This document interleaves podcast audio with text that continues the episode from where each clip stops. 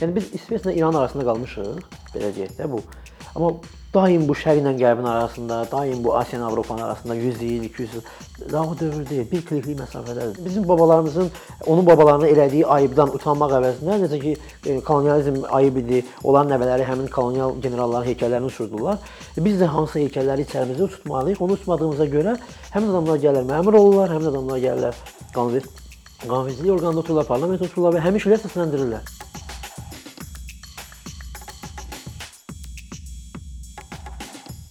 Əksər ölkələrdə ə, həssas qruplar üçün qanunvericilikdə müəyyən ə, güzəştlər nəzərdə tutulur. Ümumiyyətlə bu qruplar ə, ayrılır və qanunvericilikdə onlara nümayiş verilir və bu onların hüquqi yardıma çatımlılığında, digər, sosial təminat məsələlərinin asanlaşdırılmasına xidmət edir.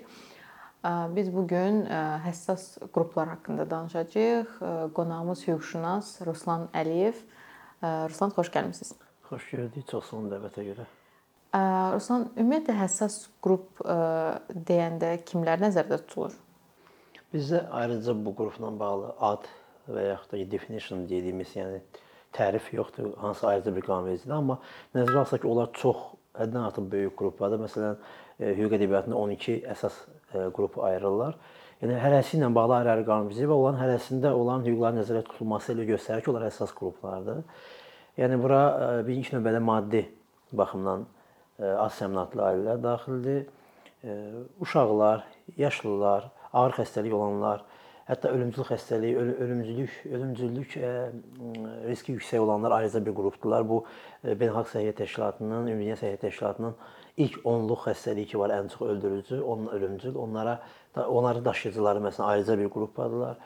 Və bu minvalla davam edir. Etnik və digər əsaslarla əsas qrup olanlar var.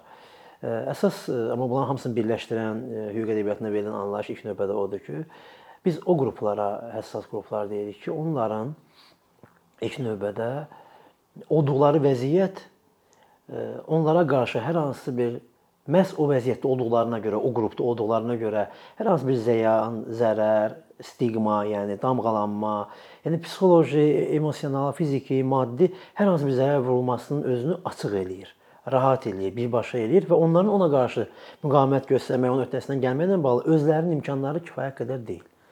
Yəni olduqları vəziyyətə görə e, hüquq pozuntusu olsun, ayrı seçkilik olsun, digər bu kimi yəni maddi, mənəvi, fiziki, hüquqi diskriminasiya, yəni aşağılanma, müxtəlif bu cür pozuntulara rahat asanlıqla məruz qala bilərlər. Eyni zamanda onlara qarşı müqavimət göstərmə imkanları özlərində kifayət qədər aşağıdır və bu fiziki hər hansı məsələn 50 50 olan şəxsləri götürə bilərik ki, yəni daha anlaşılır olmaq üçün və ya uşaqları götürə bilərik, etnik qruplarda həmçinin gender əsaslı ailə seçkiliyinin məruz qalanlar və s.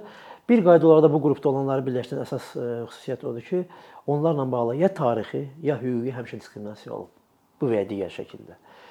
Daha bir e, ümumi bir ümumi e, xarakteristika odur ki, onların bir qayda olaraq ya maddi, ya hüquqi statusları kifayət qədər təmin olunmuş olmur və bununla bağlı konvensiyalar qəbul etmək lazım gəlir, dövlətimizin öhdəliklər qoymaq lazım gəlir və s. və ilə axır. Çox bunlar onların onların barəsində olan qanunvericilikləri biz adlandırırıq pozitiv ayrı seçkilik. Çünki bunun buna ehtiyacı var. Bəzən bunu düzgün anlamırlar, hesab edirlər ki, xüsusi qabardılmağa nə ehtiyac var dillər məsələn və ya deyirlər ki, onların bizdən nə artığı, nə eksiyi var. Bəzən bu etnik zəmində olur, məsələn, status məsələsi olur. Bəzilərində isə məsələn LGBT mövzusunu götürək də cinsi və cins və gender, seks və gender əsaslı e, ailə seçkiyə məruz qalanlar onların hüquqları ilə bağlı ayrıca bir tənzimləmə olmasını istəməyənlər olur. Halbuki eyni zamanda hansısa bir ölkədə məsələn bu dindar qruplar olurlar. Dinlər dindar qruplar özləri də vulnerable qrup ola bilərlər asanlıqla. Ona görə də hamımızın marağındadır ki, hamımızın, yəni bu istisnasız burada din, cins, irq, tarix heç nə əhəmiyyət daşımır. Hamımızın marağındadır ki, məhz həmin şəxslər ki, daha disadvantages, yəni daha az pis əl, pis vəziyyətdə, əlverişsiz vəziyyətdə olan şəxslər daha yaxşı müdafiə olsunlar.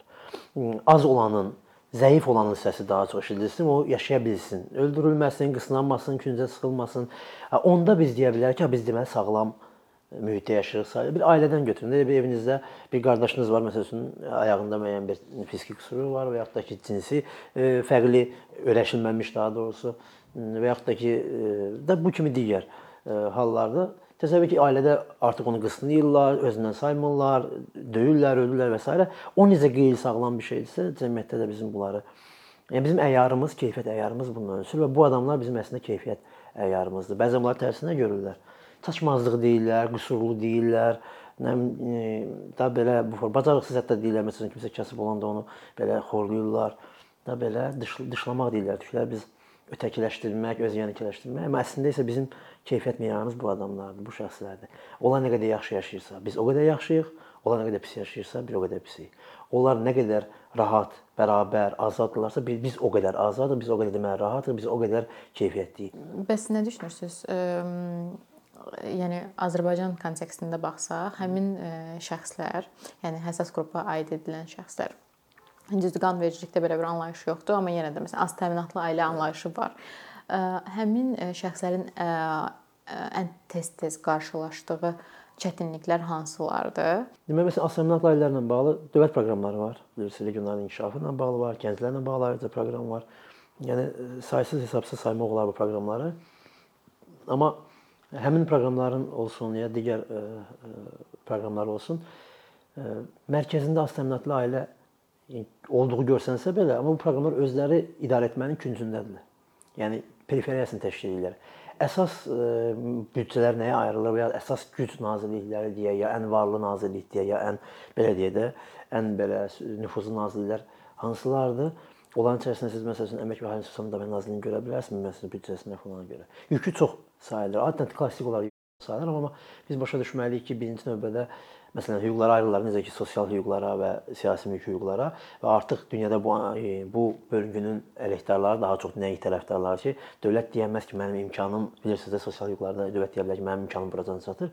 Artıq məhkəmələr, bina hüquq get-gedə dövlətə sıxır ki, sən daha deyəməzsən imkanın çatır. Bu artıq oturmuş hüquqdur. Bunun mülki tərəfi var, siyasi tərəfi var, ya daha möhkəm hüquqdur. O baxımdan həm də sosial təmin olunmuş vətəndaş daha güclü vətəndaşdır, daha güclü ölkədir həmin ölkə nəinki digər cəhətləri. O baxımdan birinci növbədə, yəni biz e, problem odur ki, həmin bu proqramlar, bu şəxslər dövlətin periferiyasında, fokusunun periferiyasındadır. E, məsəl üçün mütəmadi ifadə olunur ki, Azərbaycanda yoxsulluğun səviyyəsi çox aşağıdır, yəni aşağı salınıb. Burada uğurlar ola bilər statistik olaraq və s. E, amma real insanların real gəlirlərini deyək, də digər məsələlər bunları tözələyəndə biz daha çox problem görürük. Bundan əlavə dövlət tez-tez yoxsulluğun səviyyəsini azaltmışam, işsizliyi azaltmışam deyə, deyə dedikdə heç də pozitiv mesaj ötürmür. Bəzən belə qəbul olunur. Bürokratlar belə başa düşürlər ki, hə biz rəqəmlər ifadə eləsək, bu məşhur bir əsəri xatırladır əslində. Mən adını çəkmək istəmirəm. Yəni statistik rəqəmlərlə nəyisə ifadə etmək, rəqəm vətəndaşı doyuzdurmur. Vətən rəqəm vətəndaşı xoşbəxt eləmir. Bu bir. İkincisi, başa düşmək lazımdır ki, əmək, yaşayış nə vaxtsa şans idi. Məsələn 17-ci inqilabına qədər. Yəni Fransız inqilabı olmuşdu, siyasi hüquqlar var idi, göy hüquqlar dediyimiz hüquqlar var idi və orada hələ də əmək şans idi. Qalan azadlıq da bərabərlik idi. Bunlar vaxtilə ola da şans idi də. Yəni doğuldunsa, bərabər də olmansa bitdi. Amma onları artıq bir inqilab, bir e, dəyişiklik dəyişdirmişdi və insanlar başa düşmüşdülər və qəbul etmişdilər ki, hamı azaddır, bərabərdir. Göy hüquqlar vardı, amma qırmızısı yox idi. O inqilabdan sonra oldu. Əmək şansdan hüquqa keçdi. O zaman dövlətin öhdəliyi yarandı. Biz nə deyirik ona? Məsələn, işsizliyin müavinəti ona görə alırıq. Və bu formada. Bəs ondan sonra nə gəldi? Yəni biz yaşıl hüquqlar dediyimiz eko hüquqlar və artıq 3-cü nəsil, hətta bəzən 4-cü nəsil adlanan digital hüquqlar və s. Bəs indi onun nəyin vaxtıdır? O da onun vaxtıdır ki, layiqli həyat səviyyəsi, layiqli yaşayış, layiqli vətəndaş. Minimaldan danışmaq ayıbdır artıq. Yəni mən bunu biraz ə, e, həm hüquqi, həm ictimai baxımdan deyirəm, həm də konkret hüquq olaraq deyirəm. Çünki 12-ci maddəyə biz dəyişiklik elədik 2009-da. Referendumda əlavə elədik maddədən ora ki, dövlətin ali məqsədi təkcə insan hüquq azadlığını təmin etməkdir. Bu həmin konsepsiyanın təsdiqidir. Daha sonra ümumiyyətlə, yəni keyfiyyətli yaşamayan yaşayış yaşayış saymaq artıq 2022-ci söhbəti deyil. 8 saatlıq iş saatı artıq 2022. Bu 100 il bundan qabağın söhbətləridir. 5 gün işləmək, yəni ən minimal şeylər deyirəm. Ona baxımdan da insanların minimal pensiya, minimal e, əmək haqqı, minimal bu dediyimiz e, məsələn ümumi sosial yardım proqramını götürək. Bunlar hamısı həddən artıq necə deyim, çox geridə və aşağıda olan şeylərdir. Bunlarla təsəlli tapmaq, bunlarla kifayətlənmək əslində çox e, çox aşağıda, yəni çox hətta yardım biabırçı, e, yəni çox geridə qalmışdır. İkinci məsələ odur ki, real praktik şeylərə gələndə. Məsələn, e, elektronlaşdırılıb yaxşı bir VMTA sistemi və s.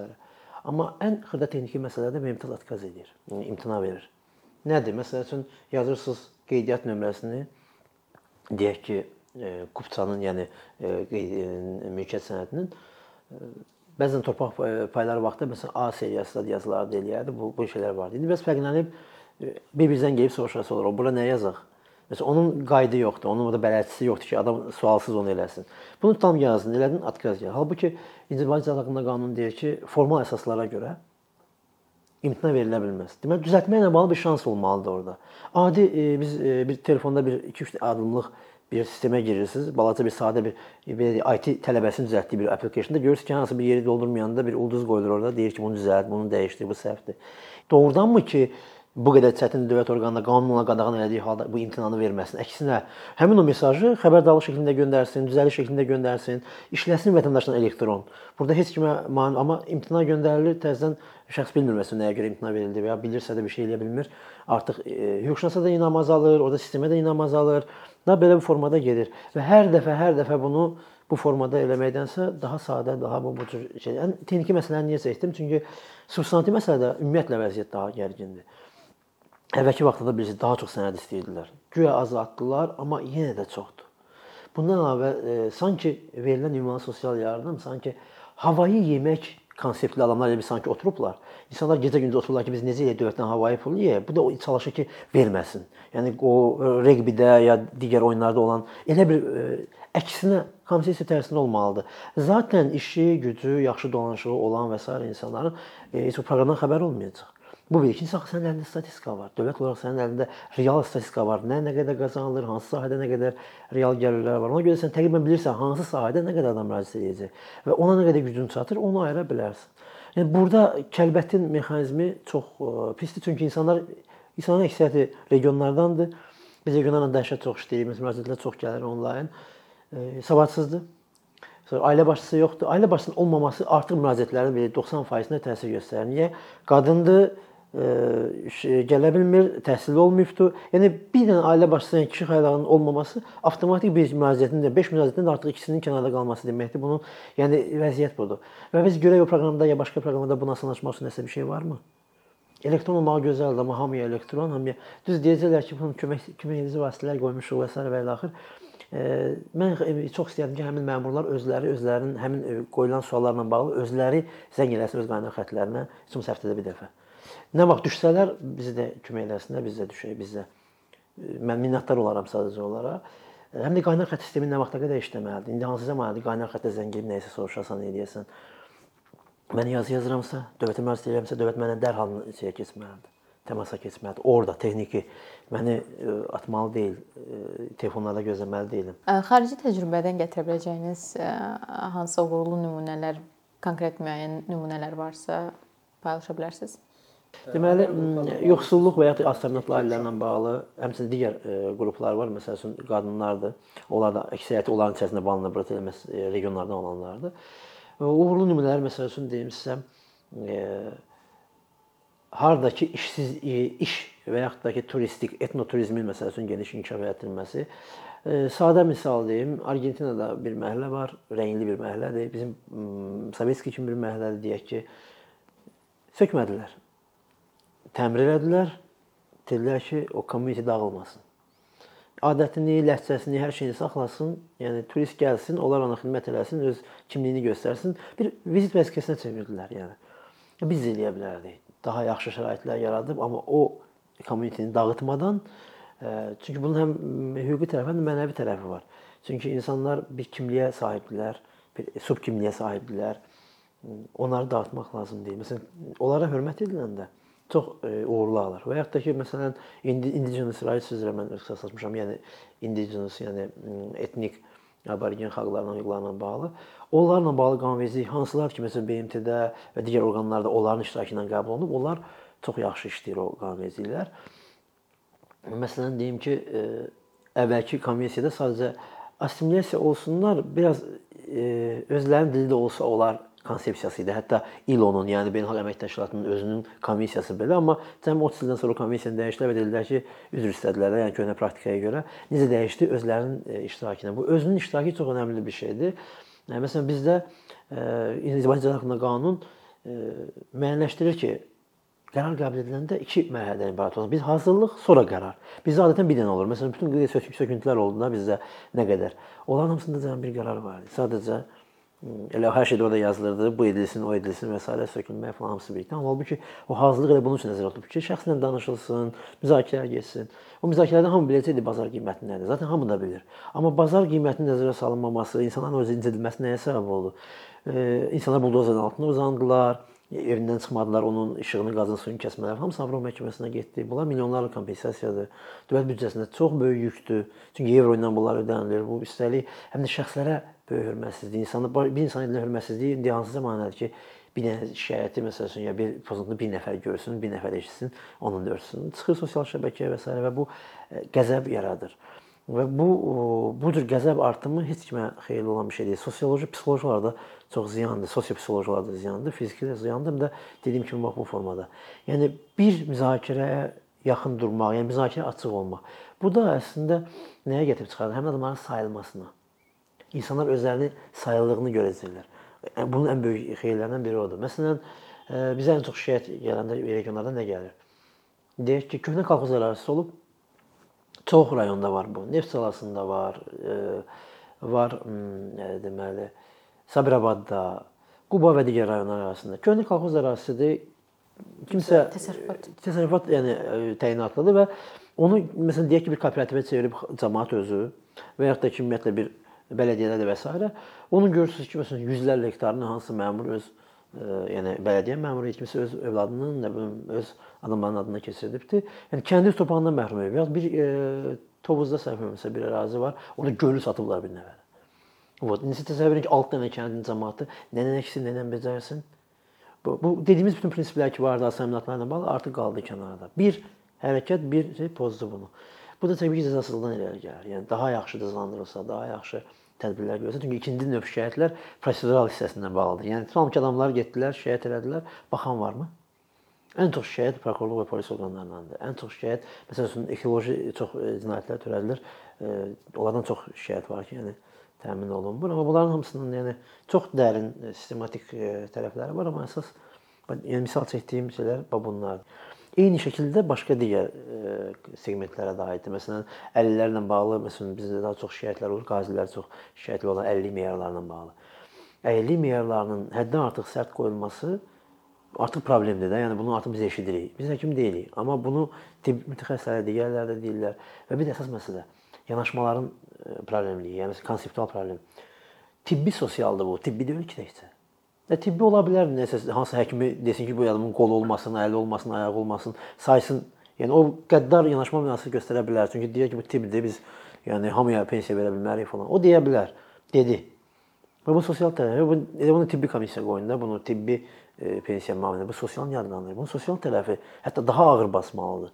Və yaxud da şəxsiyyət e, kimliyinə yanaşmamız. LGBT icmasının məsələsini e, nümunə çəkə bilərik ki, ölkədən xaricə gedirlər, İranı var, Türkiyəsi var, digər ölkələri əməliyyat keçib qayıdırlar. Olan qabağında şərt nədir? Məsələn üçün bizdə e, haqlı olaraq deyir ki, qanunda nə yazıbsa odur. Yəni polis deyir ki, mən sənə yazan mərəm işinə. Get məhkəmə kağızından gəl, get falan.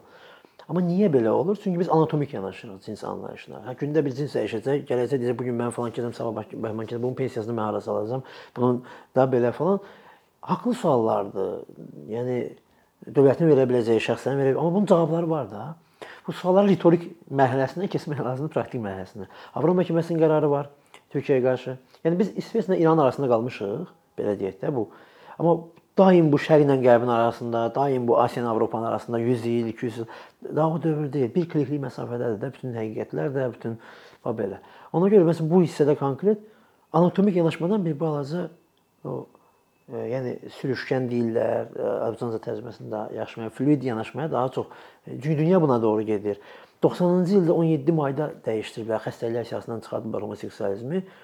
Biz cəmi 2 dənə sənədimizdə cinayətlərin üsulunda dəyişiklikləri burada əlavə eləmişik və salam. Yəni başqa heç birisində gender bərabər haqqında qanunvericimizdə sadəcə seksual gender cinsi orientasiya ifadəsi var, yəni ki də belə ifadə olaraq var.